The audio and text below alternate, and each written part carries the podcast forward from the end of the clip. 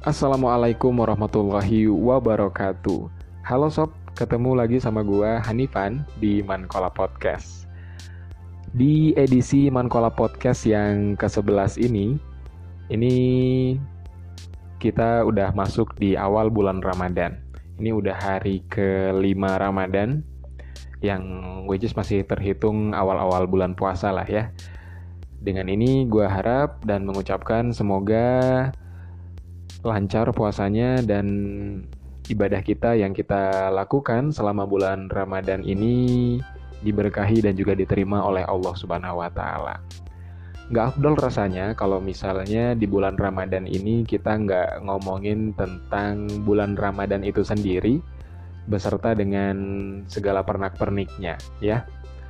Gua awali dari ungkapan atau ucapan dari Nabi Muhammad Alaihi Wasallam yang suatu hari pernah bersabda bahwa perjuangan paling berat adalah perjuangan melawan diri sendiri.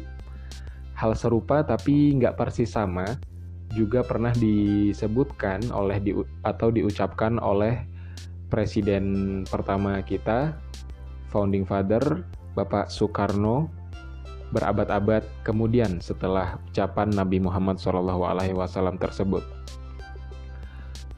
Bung Karno kala itu berkata bahwa setelah Indonesia merdeka ini, perjuangan yang harus dilakukan adalah perjuangan melawan sesama bangsa Indonesia, dan hal itu jauh lebih berat dibanding ketika bangsa Indonesia memiliki musuh bersama, which is itu adalah penjajah.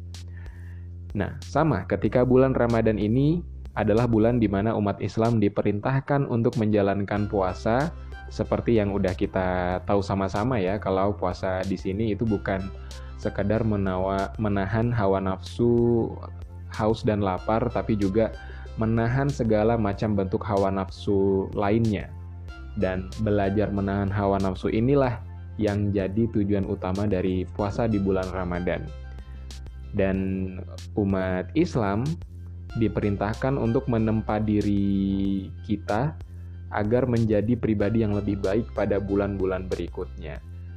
Dan kembali seperti yang dikatakan Rasulullah Shallallahu Alaihi Wasallam bahwa berpuasa pada bulan Ramadan ini adalah salah satu cara untuk memenangi perjuangan melawan diri sendiri.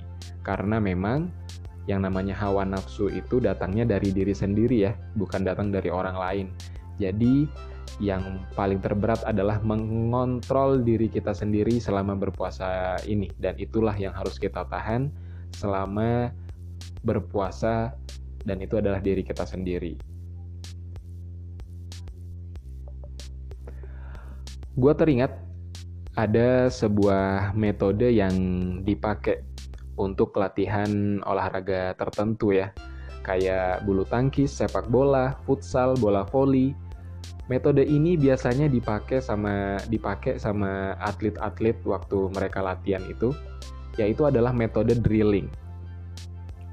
Drilling ini adalah suatu metode latihan di mana ada suatu teknik atau gerakan atau strategi yang harus dipraktekkan oleh kita secara berulang-ulang dan terus-menerus dalam satu waktu.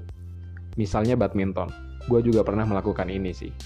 Untuk berlatih pukulan, ada 100 shuttlecock yang itu nanti akan dilemparkan ke kita, terus kita memukul shuttlecock tersebut satu demi satu sebanyak 100 kali, itu baru 100 ya.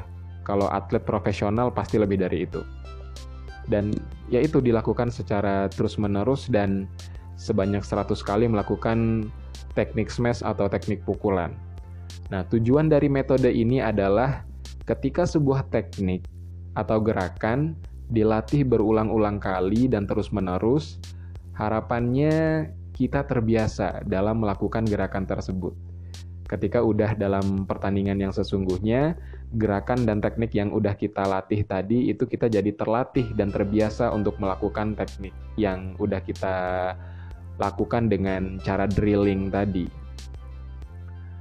Ada lagi sebuah pernyataan dari Malcolm Gladwell dalam bukunya Outlier yang bilang bahwa seseorang membutuhkan 10.000 jam berlatih atau belajar untuk menguasai sebuah keahlian dan menjadi ahli dalam bidang apa pun ya, entah dalam olahraga, seni seperti nyanyi, melukis, baca puisi, pantun, nagih utang. Jangan salah sob, nagih utang tuh juga harus ada seninya, itu berseni juga. Kadang yang ditagih utangnya itu jiwa seninya lebih tinggi daripada yang nagih utang karena dia dengan sangat kreatif bisa mengeluarkan alasan-alasan dan ngeles-ngeles yang sesukanya dia gitu ya. ya pokoknya dalam hal apa pun ya yang dimaksud 10.000 jam ini adalah akumulasi ya. Akumulasi dari beberapa kali kita melakukan latihan atau belajar dalam bidang tertentu.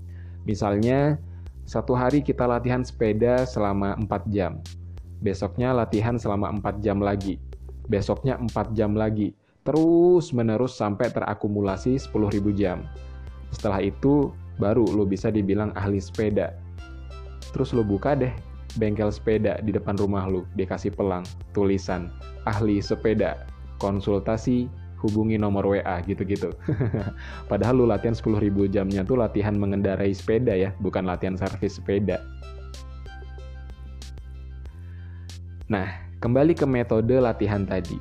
Jadi metodenya Gladwell ini sama juga sebenarnya sama metode drilling.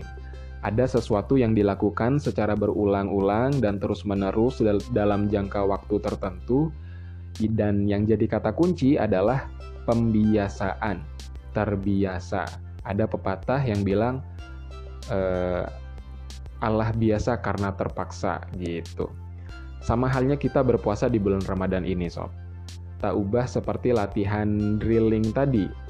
Setiap hari menahan nafsu, makan, minum, dan segala macam bentuk hawa nafsu lainnya kita tahan terus-menerus selama satu bulan dan dengan harapan setelah bulan Ramadan kita jadi terbiasa untuk menahan segala macam yang kita tahan selama bulan Ramadan.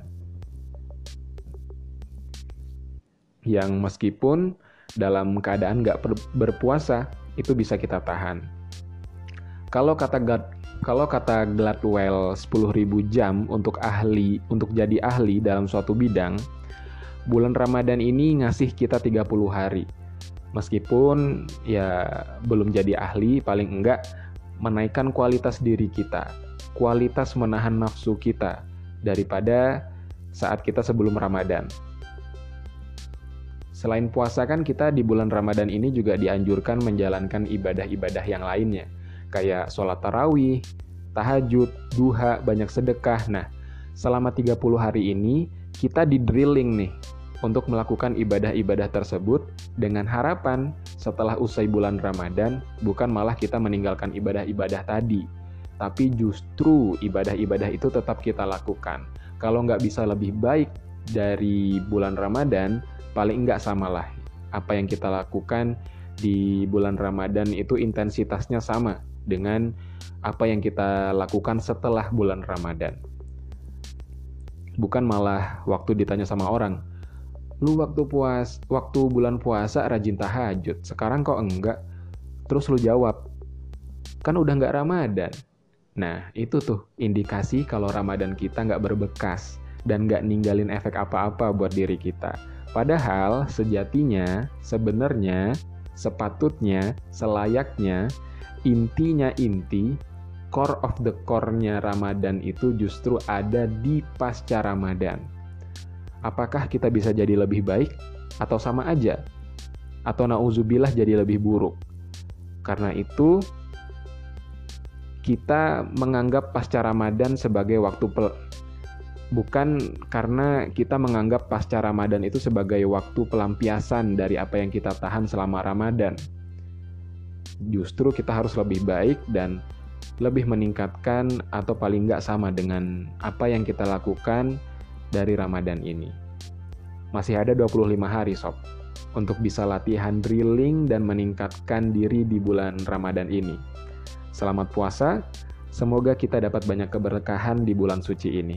Gua Hanifan, thank you udah dengerin Mankola Podcast. Wassalamualaikum warahmatullahi wabarakatuh.